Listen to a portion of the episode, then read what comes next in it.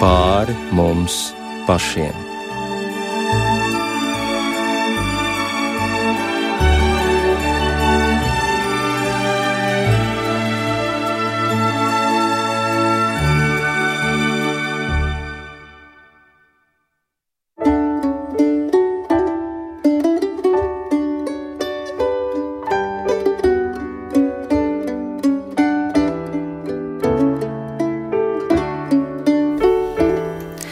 Esiet sveicināti raidījumā pāri mums pašiem, lai ir slavēts Jēzus Kristus. Studijā Inte Zēgnere par skanējumu rūpējas Rīta Karnača, joprojām mēs dzīvojam gavēņa laikā un tas ir laiks, ko raksturo lūkšana, gavēnis un žēlsirdības darbi. Un tāpēc šovakar pie mums studijā ir divas viešņas, kuru darbību varētu raksturot vienā vārdā - žēlsirdība. Pirmo reizi mūsu raidījumā viesojas pestīšanas armijas sociālā centra vadītāja un arī sociālā darbiniece Zaiga Matvejāne. Labvakar! Labvakar! Un asistente pēc titula vecākā seržante eh, Sandra Zilbereize. Zēzena. Labvakar! Labvakar! Un šis vārdu savienojums - pestīšanas armija. Domāju, ka daudziem to ir nācies dzirdēt, bet kas tad tā īsti ir par organizāciju, diez vai uzreiz katrs varēs pateikt. No kurienes vispār tāds nosaukums? Tāds vārdu savienojums. Kāda ir šī vēsture? Nu, vēsture ir tāda, ka Pestīšanas armija kā kristīga misija 1865. gadā Anglijā dibināja metodists sludinātājs Viljams Bults un viņa sieva Katrīna.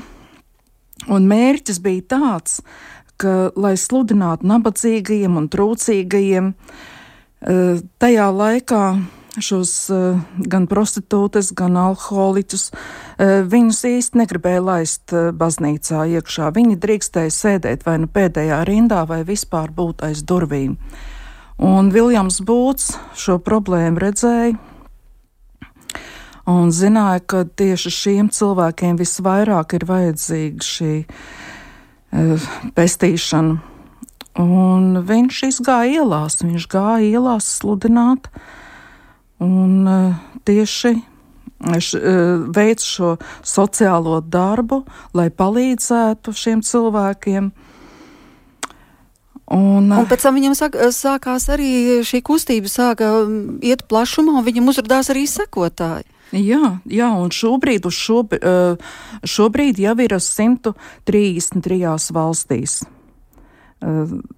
pestīšanas armija. Uh, Nu, tas ir tāds sociālais darbs, uh, palīdzēt nabagiem, atbalstīt, un galvenais ir nest šo jēzus mīlestību, parādīt jēzus mīlestību viņiem.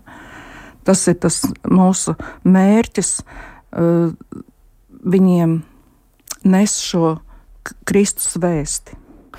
Jā, tas tomēr ir ļoti interesanti. Viljams Bults sāka, tas bija 19. gadsimts, tātad 1865. gads plus mīnus. Un sākumā tur bija pavisam neliels cilvēku skaits, sākumā desmit, bet jau septiņu gadu laikā tas skaits tuvu tūkstotim, kas sekoja viņa paraugam, lai nestu šo dieva mīlestību cilvēkiem, kuri jūtas atstumti vai nokļuvuši kādās situācijās.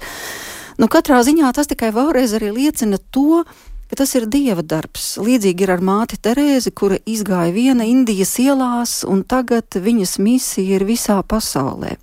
Bet kā jūs pašas nonācāt līdz šai misijai?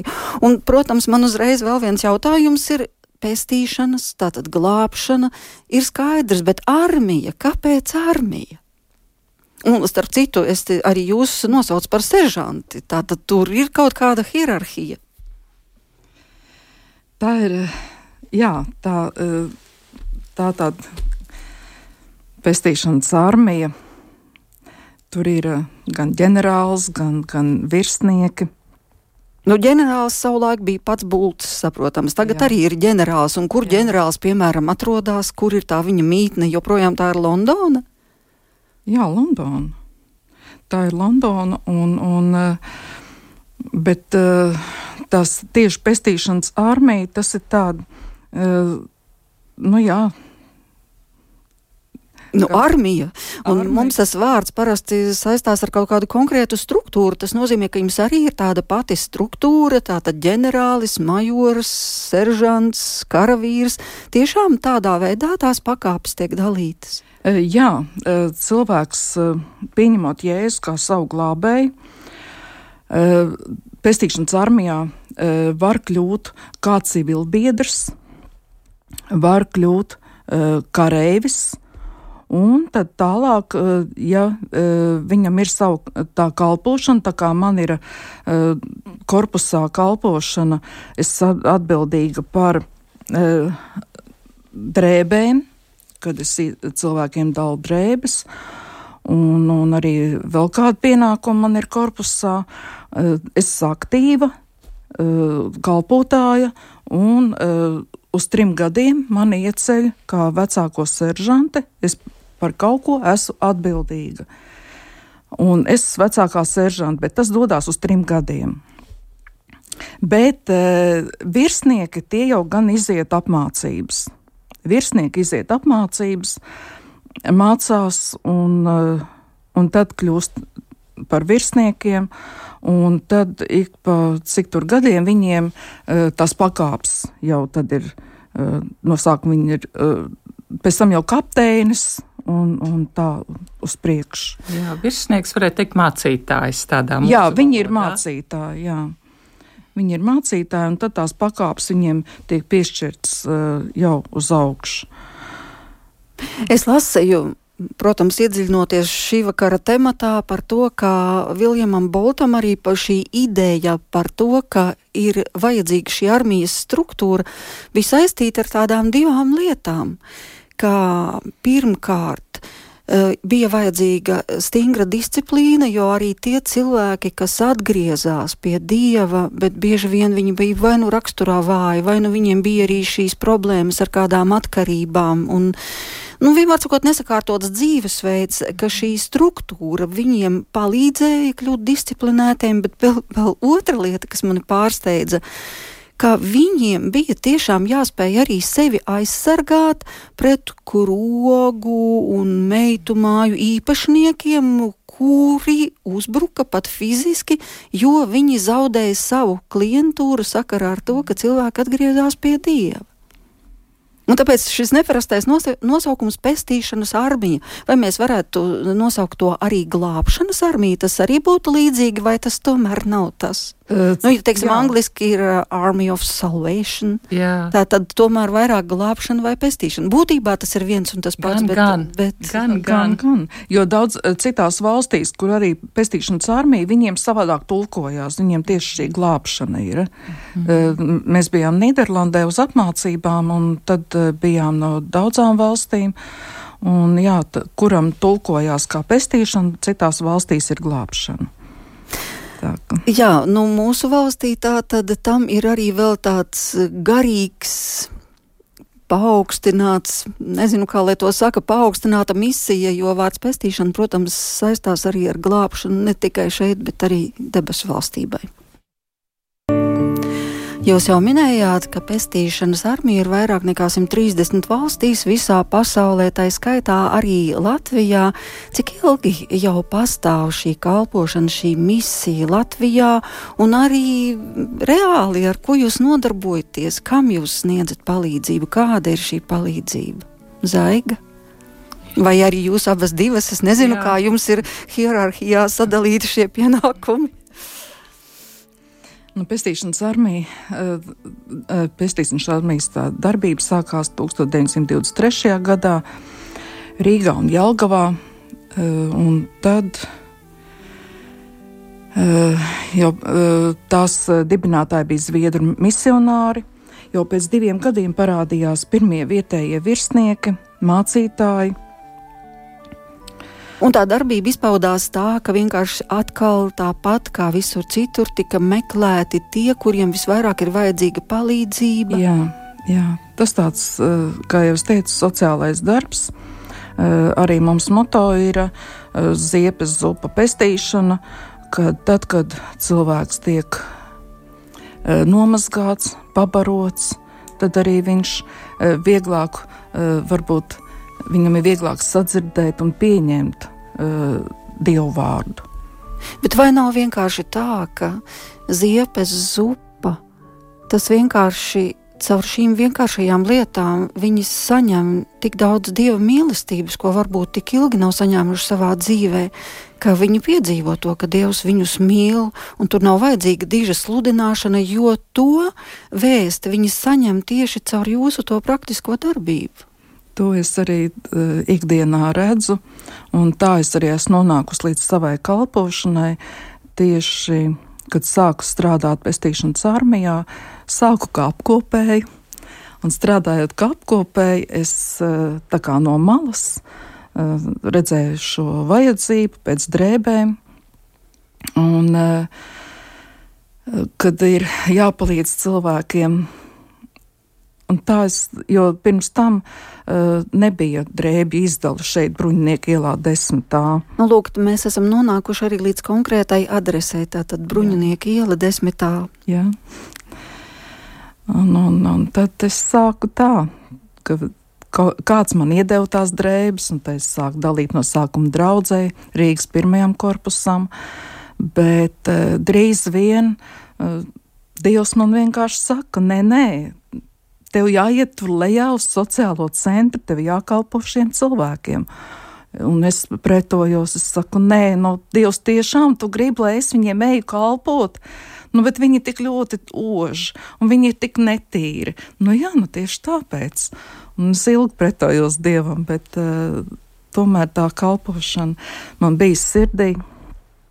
Un uh, sāku sagādāt viņiem drēbes, sākumā sociālajā centrā drēbes dalīja tikai eh, vienreiz nedēļā, otrdienā, bet eh, es to redzēju, ka viņiem vajag katru dienu. Tad, kad cilvēks ienāk šajā ēkā, viņam ir vajadzība nomazgāties, bet ja viņš nomazgājās un uzvelk tās pašas netīrās drēbes, tad jau nav, nu, nav nozīmes tam, ka viņš nomazgājās. Bet viņam ir netīras drēbes, tad vajag viņam tīras iedot. Nu, jā, tā es turpinu sagādāt tīras drēbes, un šobrīd jau cilvēki var katru dienu apģērbties tīrās drēbēs. Jā, nav man pieredzes ar pestīšanas armiju. Nē, esmu bijusi bruņinieku ielā nekad. Nu, paldies, ka atnācāt šovakar šeit uz studiju.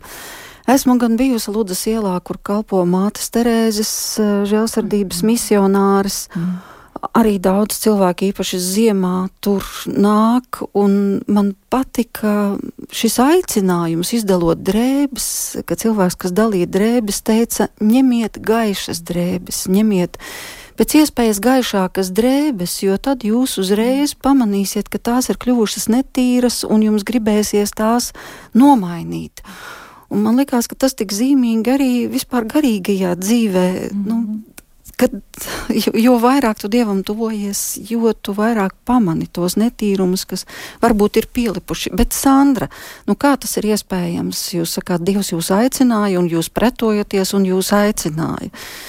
Nu, kādā veidā tas notiek? Tad tā Dievs ir balss sirdī vai kā? Dievs jau man aicināja 92. gadā bet arī tad es pretojos. Tā bija tā man tā pirmā pretošanās dievam, jo 92. gadā es Bruņinieku ielā uh, atnācu, tad man bija trīs bērni jau, un es uh, ienācu tajā ēkā uh, tieši lūgt palīdzību. Tie bija 90. gadi, bija ļoti grūti. Un es zināju, kāds man bija pateicis, ka tur var dabūt pārtiku un drēbes. Un tā darbinieca, kas man sagaidīja un uh, kas uh, iedeva man šo pārtiku un drēbes, viņa teica, nāc, nāc mums palīgā, nāc, te, nāc svētdienās ar bērniem. Bet uh, tad man dievu vēl nevajadzēja. Tad es tā pie klusu pie sevis teicu, mm -mm, dod man drēbes, dod pārtiku un liec man mieru. Uh, bet skaļi jau es to neteicu, es pie sevis tā domāju. Bet Dievam bija plāns manā dzīvē, ka man būs tur jākalpo. Un uh, pagāja daudzi gadi, kad es kļuvu par kareivi. Bet tieši tādu apstākļu dēļ, ka Dievs man nolika tik sāpīgi uz ceļiem, ka es nu, kliedzu uz Dievu. kad, lai man palīdz. Tad jau mēs bijām vairs ne Rīgā, bet bijām e, Liepā, aiz cēsīm. Bija ļoti grūti, mēs pilsētnieki nokļuvām laukos, tieši tāpēc, ka Rīgā vairs nevarējām dzīvokli samaksāt. Vīrs bija invalīds ratiņkrēslā, tad jau mums bija četri bērni. Un kaimiņš atnāk, un viņš saka, tā kā ejiet uz ciematu, tur ir pestīšanas armija, un es domāju, atkal tā pestīšanas armija. un, protams, kad aizgājām, eh, aizgājām uz pestīšanas armiju, un tā sākās mans ceļš. Pat ticība, tāds ticības ceļš, es pieņēmu Jēzu kā savu pestītāju. Grūti bija noticēt, grūti bija pieņemt, jo dzīve bija tik smaga, tik grūti bija. Uh, grūti gāja, bet uh, es tik ļoti pieķēros. Es sapratu, ka tas ir vienīgais, kas man var palīdzēt. Tikai Dievs, tikai Dievs un nekas cits. Tur sāku kalpot, tur sāku uz upes virtuvē strādāt, vārīt zupu nabagiem. Tur es sāku arī drēbes dalīt. Un tāda, nu, kalpošana tajā draudzē bija liepas draudzē. Mm. Jā, un jūs sacījāt, eh, ka tad jau jums toreiz bija četri bērni, bet pēc tam jūs kļuvāt arī par auģu vecākiem. Tātad, kas vēl notika jūsu dzīvē? Tad, es, tad tiešām Dievs bija tik žēlīgs, kad bija iespēja nopirkt māju. Es dabūju mantojumu, nopirkām māju Madlienā. Un, eh, un tur uh, mums piedāvāja kļūt par auģu ģimeni pat cik bija ļoti liels īpašums un daudz um, telpas. Un tā mēs kļuvām par auču ģimeni. Un cik bērnu tad galu galā jūsu ģimenē uh, bija tajā brīdī, kā? Man viss uh, daudz kopumā bija tā, ka man bija septiņi, astoņi bērni ģimenē, un uh, gan savi dzima, gan auģu bērni bija. Uh, tā, kad uh, Nu, pasakiet to skaitu. Šobrīd man ir savi deviņi bērni, nu jau gan ir izauguši. No deviņiem bērniem tikai divi bērni ir pie manas mājās vēl. Un uh, pa visiem gadiem 14 auģu bērni. Un 14. auģu bērns arī vēl ir pie manis. Šobrīd man ir trīs bērni mājās. Uh, Tātad tā ir absolūta kalpošana gan mājās, gan arī savā misijas vietā, tātad Jā. pestīšanas armijā. Bet ziniet, to, ko jūs tagad stāstāt, es gribētu teikt, ka to bez dieva paveikt nav iespējams. Nav iespējams, ja nav ticība, ja nav paļaušanās uz dievu, ja nav lūkšanas, ja nav šī saikne ar dievu, tad tas nav iespējams. Jo tikko kā uh, cilvēks sāk iet savā spēkā, tā nu, var nokļūt vienā vai otrā grāvī. Tikai turoties eh, pie Dieva, eh, uzturēt šo saikni ar Dievu, ar lūgšanām, šīs sarunas ar Dievu, tikai tad tu spēj pilnvērtīgi kalpot. Jā, un šobrīd ar dziesmu augšup mēs turpināsim raidījumu.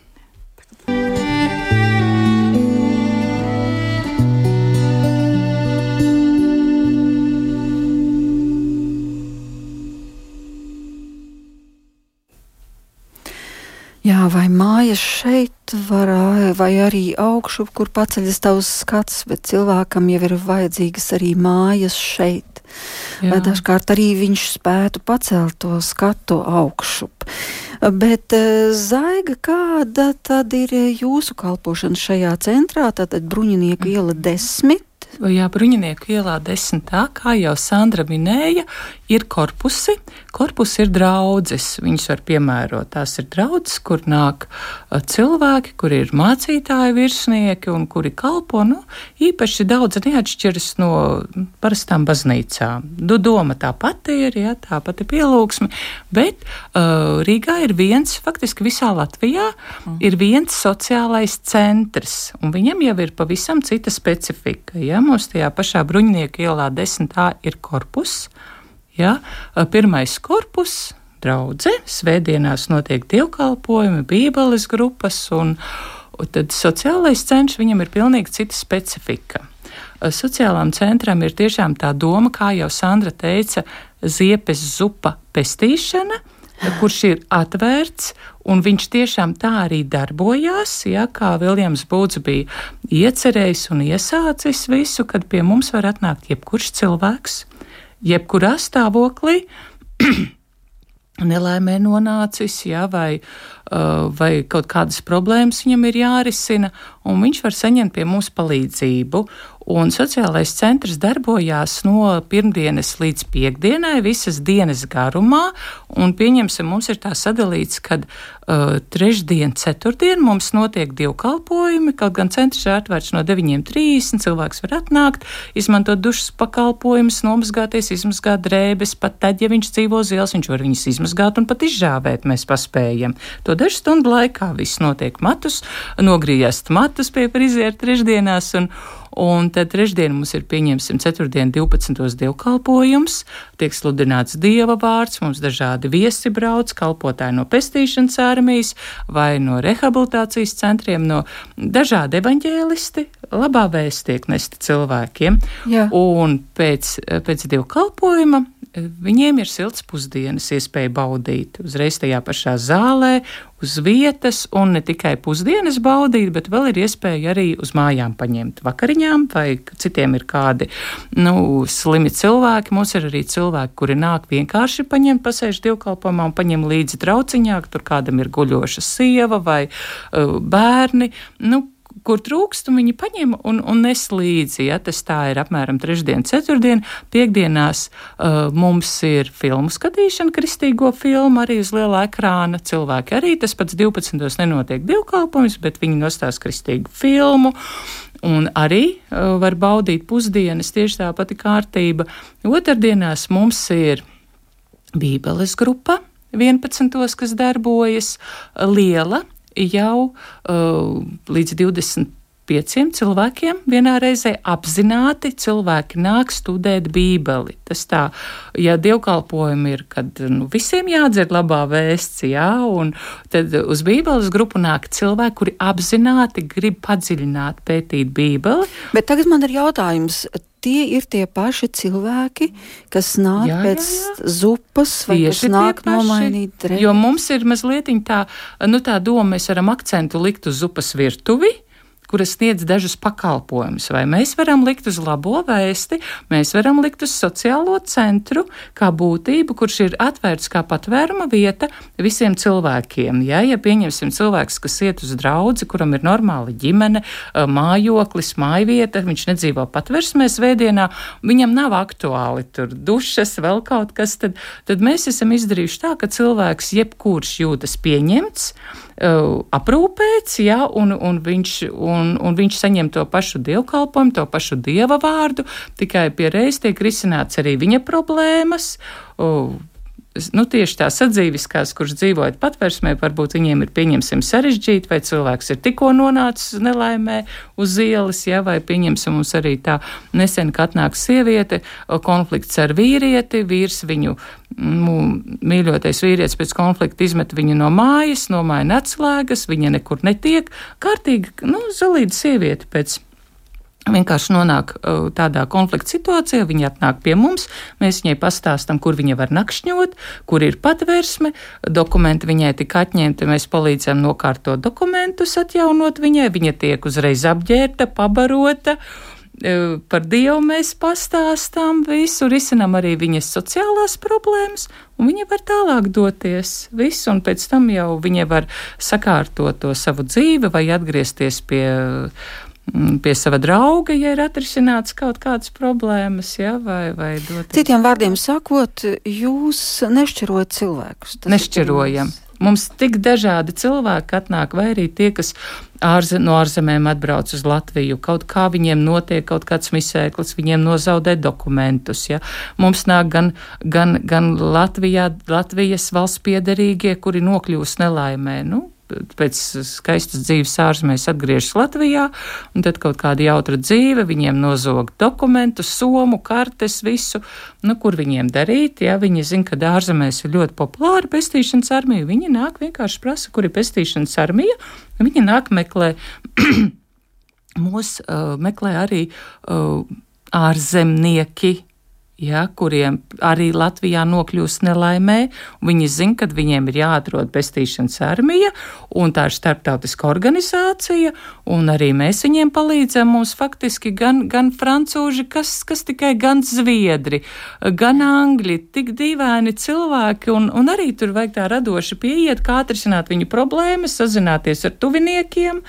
Jā, jo, diemžēl, nu, tā reimigrācijas programma arī, arī latviešiem īpaši nedarbojas. Nu, tad, tad mēs tam mēģinam ļoti radoši tam pieiet. Faktiski ir cilvēks, ir jāatrisina viņa problēmas, viņš, viņš ir jāapģērb, viņš ir jāpabaro. Jā, lai viņš var dušā iet, tai pašā laikā arī jau skatāmies, kā risināt. Mūsu vēl sociālā centrā ir tāds pakalpojums kā dators pieejams.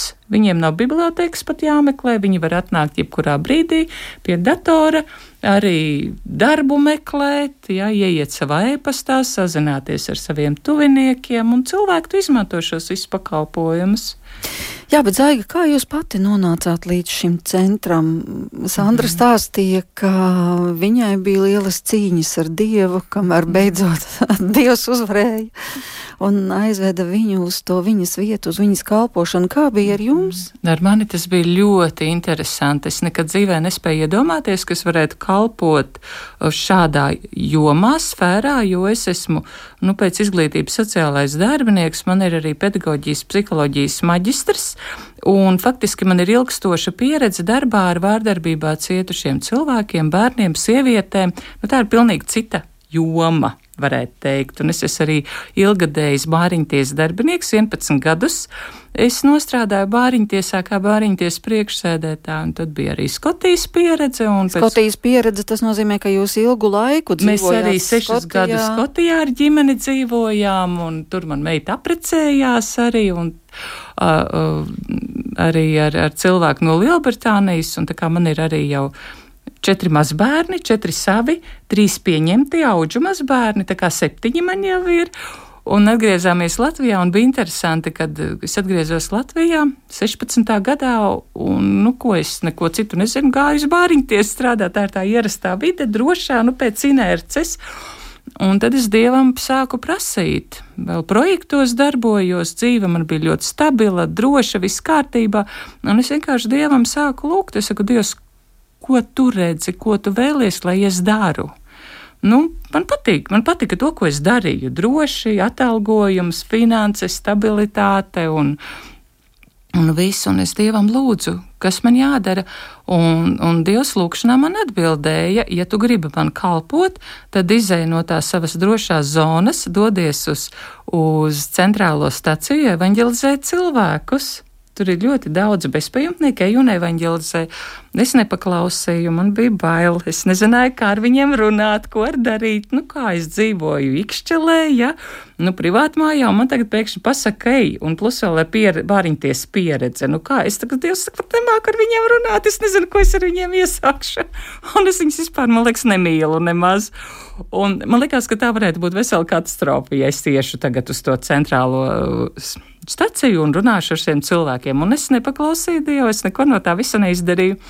Un tālāk es atkal projekts mājās strādāju, bet jau sāk palikt garlaicīgi, un es domāju, nu kaut kas ir jāsāk darīt tā. Un dzirdu, kristīgajā rādio skan Aicinājums, ka pestīšanas armija sociālais centrs aicina darbā sociālo darbinieku. Man tas tā izklausījās interesanti, un, un man tas tāds eh, viedoklis bija, ka es noteikti nokļūšu sociālā centrā, kur tiek sniegt palīdzība ģimenēm, invalīdiem, bērniem. Nu, kā normālā sociālā centrā tas bija tāds mans iespējas. Un es jūtu, ka Dievs saka, dodies uz turieni. Un, jā, tā es nokļuvu pestīšanas armijā, un es atceros, ka man vēl pieņēma darbā. Man jautā, vai tu saproti, ko dara sociālais centrs? Un es saku, nu, es esmu sociālais darbinieks. Nu, kā var sociālais darbinieks nezināt, ko dara sociālie centri? Nu, es taču saprotu, mēs sniedzam palīdzību, barojam trūkumā, nonākuši ģērbjam, palīdzam. Nu, to taču es tā ļoti labi saprotu. Bet es nesaprotu, kas ir tas īstenībā tas klienta loks. Un tad, kad, jā, kad kad es sāku strādāt, kad es ieraudzīju, nu, kad faktiski jā, ka tas centrālās stacijas laukums atnāca pie manis. un es nokļuvu tajā sociālā centrā, un notika tieši tā, kā Dievs teica. Un tad Dievs parāda, un tad Dievs saka, tu mani mīli, Es saku, jā, Dievs, es mīlu tevi, tad gani mana savis. Un es skatos uz tiem cilvēkiem, es saku, Dievs, tas ir, man liekas, ka tā ir neiespējamā misija. Es saku, Dievs, es, es, es nesaprotu, ko man darīt ar šiem vīriešiem. Tā man nav pieredze. Vīriešiem jākalpo vīriešiem. Kāpēc man ir jākalpo viņiem, ja es esmu, nu, pieredzējis vārdarbības speciālists, man ir milz, ilz, ilgstoša pieredze darbā ar ģimenēm, bērniem. Nu, man tā daudz vieglāk būtu ar sievietēm kalpot, ja? Un tagad man pēkšņi te pilna zāle, jā, ir ar vīriešiem krīzē nonākušiem. Un tad Dievs man deva mīlestību. Es vienkārši pacēlu rokas, saku, Dievs, ja tu man nedosi mīlestību, es esmu pagalam. Es pati nespēju mīlēt, es pati nesaprotu, kas viņiem ir vajadzīgs. Man tā ir pilnīgi jauna joma manā dzīvē, nu, darbs tieši ar atkarīgiem cilvēkiem. Viens ir teorija zināt, otrs, ka tev jāsāk strādāt, atbalsta grupas vadīt visu.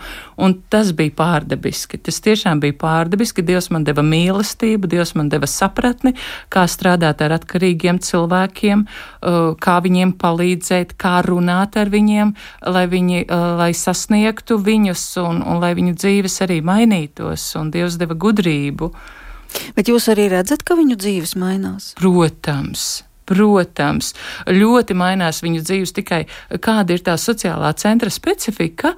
Ja, nu, pieņemsim, varbūt, ja mums ir laiks, varētu pieņemsim tādu liecību arī par Bībeles grupas izveidi padalīties. Īsi var. Īsi, ja tā.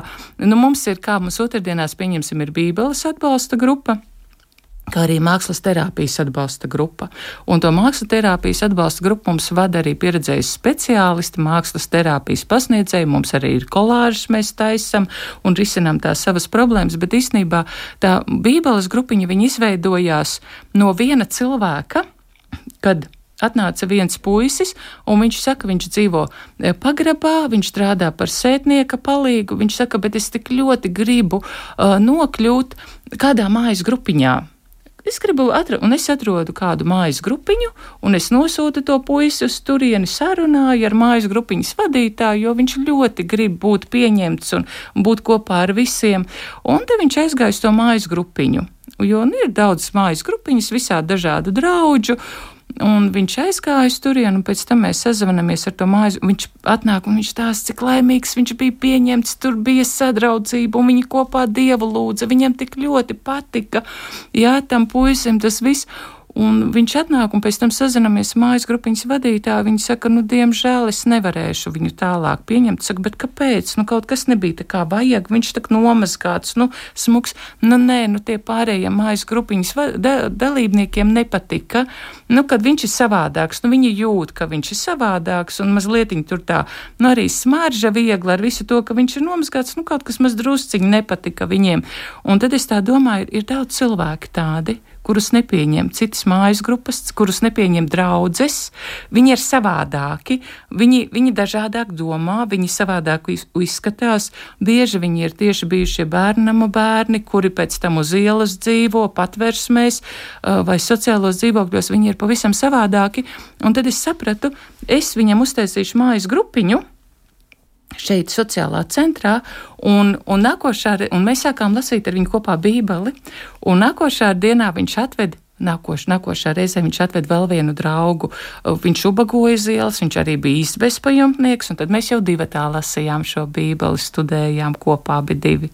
Un pēc tam atnāk trešais, jo līdzīgs jau atved līdzīgu, un jūs saprotiet, mums tagad ir 27 cilvēki apzināti, kuri nāk lasīt Bībeli. Viņi nenāk nu, uz pusdienām, tas ir viens, ja, bet viņi nāk apzināti. Viņiem jau ir sava vieta, un mums jau ir pirmās tituli piešķirti apzinīgākajiem grupas dalībniekiem, viss, un kā viņu dzīves mainās. Un viņiem, protams, ir liecības savādākas nekā citiem.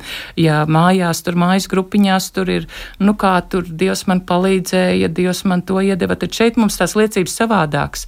Klausies, es jau pusgadu neesmu ar vienu sakāvies, vai man pieņemsim negribas vairs zakt, Jā? Nu, viņiem tās liecības ir pavisam savādākas. Man negribas rupjus vārdus teikt, klausies, es laikam sapratu, ka tomēr nu, nevajag gulēt ar jebkurām sievietēm, ka tomēr vajag to vienu savu sievu atrast. Un, un, jo daudziem ir cietumu pieredzes bijušas, ja ilgstošu gadu, un viņiem ir savādāka domāšana.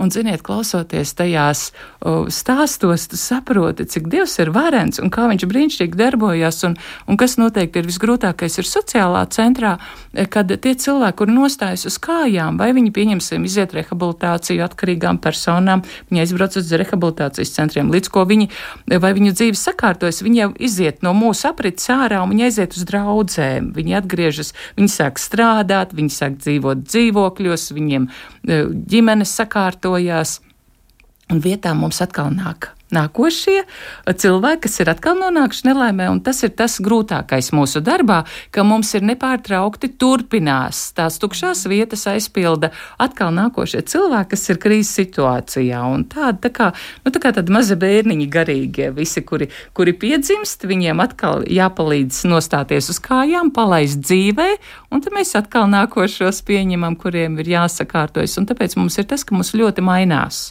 tie cilvēki.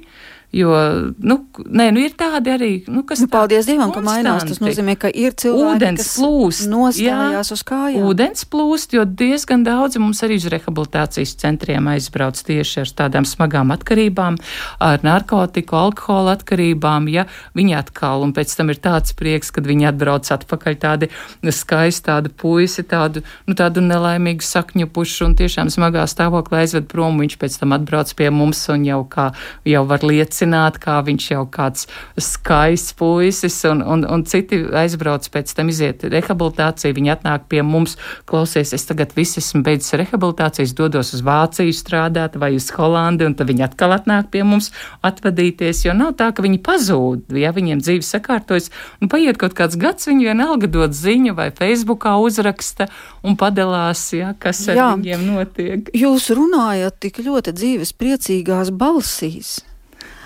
Tā, protams, ir brīnišķīga liecība, bet tajā pašā laikā ir tomēr jābrīnās, nu, kā jūs nesat sabrukušas, jo tas ir grūti redzēt citu cilvēku sāpes, to, ka nav mājas. Jau Sandra minēja arī par tiem aromātiem, to bezcerību, jo mm Jo, nu, nezinu, nu, kādā veidā vienkārši es redzu, ka jums ir pilnīgi atšķirīga attieksme pret to. Ziniet, Dievs mūs sagatavo caur uh, situācijām, kas mūsu dzīvē ir bijušas. Dievs jau caur mūsu pašu dzīvi mūs ir sagatavojis šai kalpošanai, jo teiksim, es, es kaut kāds vairākus gadus apkārt nevarēju iedomāties, ka es varētu bezpajumtniekam kurpes sasiet vai zeķis viņam mm. palīdzēt novilkt. Bet šobrīd man nav tā problēma vispār. Es to varu mierīgi darīt un es varu palīdzēt, jo nu, Dievs mums ir tā mūsu sirdis ir to mīlestību ielicis mūsu sirdīs tik mm -hmm. ļoti, ka mēs tos cilvēkus vienkārši mīlam. Ja uh, pat mūsu vadība kādreiz nevar saprast, kā mēs varam ar viņiem tik ļoti auklēties. Kā, kā var mm -hmm. samīļot bezpajumtnieku, kurš ir tik ļoti netīrs, un, bet mūsos ir tik daudz mīlestība, uh, kad uh, mēs, ne, nu, nav tā izdegšana, nu nav, mm -hmm. jo mēs esam piepildīti ar mīlestību. Eh, iztukšoties tu vari tikai tad, kad tu esi, nu, kad te, tevī nav nekas. Mm -hmm, tad, tu, ir, tad tu vari izdegt, tu vari eh, tā kā, nu, es vairs nevaru neko dot, manī nekā nav. Bet, ja tu esi piepildīts, pilns un šī mīlestība iet pār pārējiem, tavam sirds traukam, mm Tad, tad ir arī ko dot. Ir ko dot. Mm. Bet sakiet, lūdzu, vai nav tā, ka kaut kas ļoti mainījies tajā brīdī, kad jūs noliecāties pie pirmā bezpajumtnieka kājām? Kad bija šis pirmais kontakts? Es, es nezinu. nevarētu teikt par to pirmo kontaktu. Es zinu, kad man mainījās tajā mirklī, kad bija pirmais dievkalpojums, kad vadītāji vadīja, sludināja, vadīja dievkalpojumu, un man teica stāvēt zāles aizmugurē, un es redzu tur 70, kādu 60 cilvēkus, vīriešus tādā, no ar atkarības problēmām, smagā stāvoklī, kas daudz arī no stacijas laukuma bija, un kas Dievam pateica, ka Dievs, ja tu man nedosi šo mīlestību, es pati viņus mīlēt nespēju, mm, man trūkst, te neder, nu, profesionāli gudrība, pieņemsim, var pateikt, nu, tu esi profesionāls sociālais darbinieks, vēl maģistrs, ja, nu, tu taču visu zini, saprotiet, tas nedarbojas šeit nedarbojas profesionālitāte. Viņa kaut kur darbojas, bet bez mīlestības nekas tā kā uh, korintiešiem 13. nodaļa, ja bez mīlestības mēs neko nevaram izdarīt, ja tu vari, tu vari atdot sa savu mantu nabagiem, tu vari likt sevi sadedzināt, bet ja tev nebūs mīlestības, tas viss ir pilnīgi nekas. Un Dievs bija tas, kurš man iedeva to mīlestību. Es stāvēju zāles beigās, saku, Dievs, pacēla rokas, es padodos.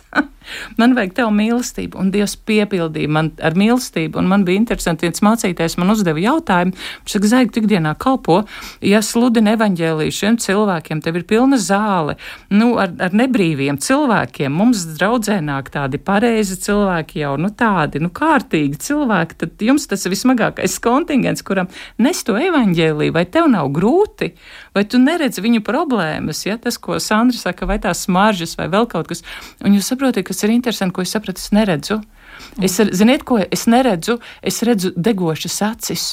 Es redzu asaras acīs, es redzu, ka dieva gars pieskana, pieskaras slavēšanas laikā pie tā cilvēka, ja, un, un, un ka viņam asaras līst. Es redzu tās slāpes pēc dzīvā dieva, un, ziniet, un ja man pieņemsim paprasītu, kur tev vieglāk ir sludināt šiem cilvēkiem vai parastā draudzē, tad es jums, nu, normālā draudzē, es domāju, ja, kur cilvēki kādus 20 gadus jau sēž tajos solos un viss ir rezervēts un, un ļoti smuki, droši, stabili, tad es jums pateiktu godīgi, ka parastā draudzē ir daudz grūtāk sludināt nekā šiem cilvēkiem, jo viņi uzņem to vārdu, viņi, viņi ir kā izslāpuši, viņi nav atēdušies, ja viņi, viņi tic tam, ko tu saki. Un, un tas ir tas laiks, kad visvairāk brīnumi notiek arī cilvēku dzīvēs, bet tas ir, diev, jo Dievs ir mīlestība, un tikai Dievs var iedot to mīlestību. Bet bez mīlestības tas ir, tas nekas nedarbojas, nu, tur nenesīs arī augļus, jo arī cilvēki nepieņems. Ja tu viņus nemīlēsi, ja viņi redzēs, viņi tā kā mazi bērni, ja viņi, ja viņi redzēs, ka tev ir liekulība, viņi tev nespēs pieņemt. Viņi spēja pieņemt tikai tad, ja ir mīlestība pret viņiem. Jā, vēl tāda pārsteidzoša lieta, ko jūs teicāt par to lūkšanu grupiņu, ka šis cilvēks Jā. neiederējās tajā lūkšanu grupiņā, mm -hmm. jo viņš bija nu, bijušais bezpajumtnieks, mm -hmm. sacīsim, vai joprojām bezpajumtnieks, mm -hmm. tad ir ļoti liels jautājums, tas, ko jūs pastāstījāt, varbūt vienkārši pārskatīt to, kā mēs vispār uzlūkojam cilvēku. Jā. Un Jā. ja šajā cilvēkā, tajā, kas stāv uz ielas, tur, tur redzi, tur ir mhm. vienas drupas un krāsmatas no viņa cilvēciskā skata. Ja tu viņā, ja tu viņā nespēji ieraudzīt cilvēku, tad laikam jau nav nozīmes nekādām Jā. garīgām meditācijām, praksēm, gudrām grāmatām un sevis izglītošanas testiem, lai mhm. pie, pietuvotos dievam, jo pašam svarīgākajam mēs Jā. tā kā pājam garām. Un, Tas ir tā interesanti, vēl tāds ļoti īsts piemērs, kas es atcerējos, atnāca centrā, sociālā centrā, ienāk viens jauns puisis ap 20 gadiem, 19, un viņš ir narkomāns, un, un viņš godīgi pasaka, viņš saka, es, es gribu iztaisīt pašnāvību, man ir tik smagi, man nav ko ēst, viņš atbrauca no rajona, Un es ar viņu sāku runāt. Es saku, kā tu nokļuvi uz šejieni? Tu, tu dzīvo Rīgas rajonā. Kā tu nokļuvi uz centru? Viņš saka, es vienkārši atbraucu uz centru, un es biju nolēmis dabūt pēdējo devu, pārdozēt un, un nomirt, jo es, es vairs nevaru izturēt, un es sēdēju blakus bombžiem. Viņa, es runāju viņa valodu. Jā. Es nesaku pieklājīgi. Es sēdēju tur, man tur tādi divi tādi bomži sēdēja blakām, un viņi, viņi man prasa, kas ar mani notiek. Un, un es pastāstu, ka viss ar mani ir slikti, un viņi bija tie bezpajumtnieki, kuri pateica, klausies, tev vajag atrast, ej tur uz priekšu, atrodi bruņinieku ielu, sociālo centru, tur būs zaiga, tev obligāti ar viņu ir jāparunā. Un, saprotiet, šis cilvēks atnāk pie mums, un viņš nožēloja grēkus. Es viņam izstāstīju par dievu mīlestību, iedevām vēl līdzi viņam produktus visu, lai viņam būtu ko ēst, un viņš, viņš, viņš aizbrauca prom, viņš saka, es vispār nesapratu, kas tas tāds bija, ja kā es te nokļuvu. Un īsnībā tie cilvēki, ja, kam citi varbūt iet garām, nievājoši, ja, viņi ir tie lielākie evaņģēlisti. Viņi paši nemāk evaņģelizēt, bet viņi vienmēr vat ierauga kādu nelaimē nonākuši, viņi zina, kur pastāstīt. Ja. Un interesanti ir tas, ka tieši tie cilvēki arī ved citus. Bet viņi ir tie, kas ved, jā, viņi var būt tās citiem, tie, kuriem turpina nemainīties dzīve. Ir vieni, kuriem izmainās, viņi ātri iziet no savas centra, bet viņi turpina vest tos, kuriem vajag palīdzību. Viņi ir tie, kuri katru reizi ved kādus jaunus cilvēkus pie mums. Jā, tie paši bezpajumtnieki, bet viņi ierauga kaut kādu puisi jaunu nelaimē, viņi atved to mēs uz rehabilitācijas centru nosūtam. Viņš turpina tāpat uz ielas dzīvot, jā, bet, nu, tādi interesanti evaņģēlisti mums ir. Mums pat informācija informācija nav jāsūt, mūsu bukleti nav jādala, ja par Rīgu. Nu, nekas, kā prasa, kā jūs izdarat, ka jums ir pilna zāle ar cilvēkiem. Nē, viņi paši, viņiem tā informācija par Rīgu aizgājusi pa centrālu tirgu, viņi jau paši redz, kāds nelaimē nonācis. Klausies, tev nav drēbes, tev jāiet uz pestīšanas armiju Sandru jāatrod, viņa tevi saģērbs, tev vajag sociālo darbinieku, ej zaigu meklē. Un tā informācija, nu viņi ir lielākie evaņģēlisti, viņi paši nezin, ko iesākt ar to, kas grib to pašnāvību uztaisīt, bet viņi saprot, ka ir slikti, viņi saka, ej vienkārši adreses tev pateikšu, es tevi aizvedīšu, viņi paši pie rokas pat atved pie mums. Jā, ticība bez žēlsirdības nav iespējama nekādā veidā, Jā. nevienā no konfesijām, tāpēc pie visām konfesijām ir arī šie palīdzības centri. Un patiešām tie ir būtībā šokējoši fakti, ka pagājušajā gadā no janvāra līdz decembrim 73 cilvēki Latvijā nosala tikai tāpēc, ka neviens viņus neieraudzīja. Mm -hmm. Varbūt arī šis gaveņa laiks ir tiešām aicinājums paskatīties sev apkārt, varbūt arī atļauties paskatīties kādam acīs un nevis vienkārši tā tukši iemest to kāpēciņu trauciņā, bet varbūt uzlūkot viņu kā tādu pašu cilvēku, kāds esi tu pats. Mm.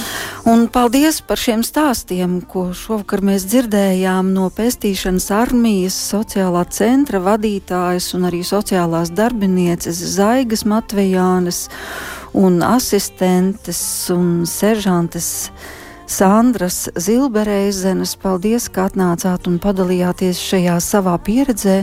Un kas zina, varbūt kāds būs dzirdējis un aizies uz jūsu centru, bet varbūt vēl kāds vienkārši gribēs arī nākt palīgā un kalpot. Mm -hmm. Kopā ar jums šovakar bija Inte Zēgnerē, par skanējumu rūpējās Rīta Karnača un tiksimies atkal nākošajā svētdienā.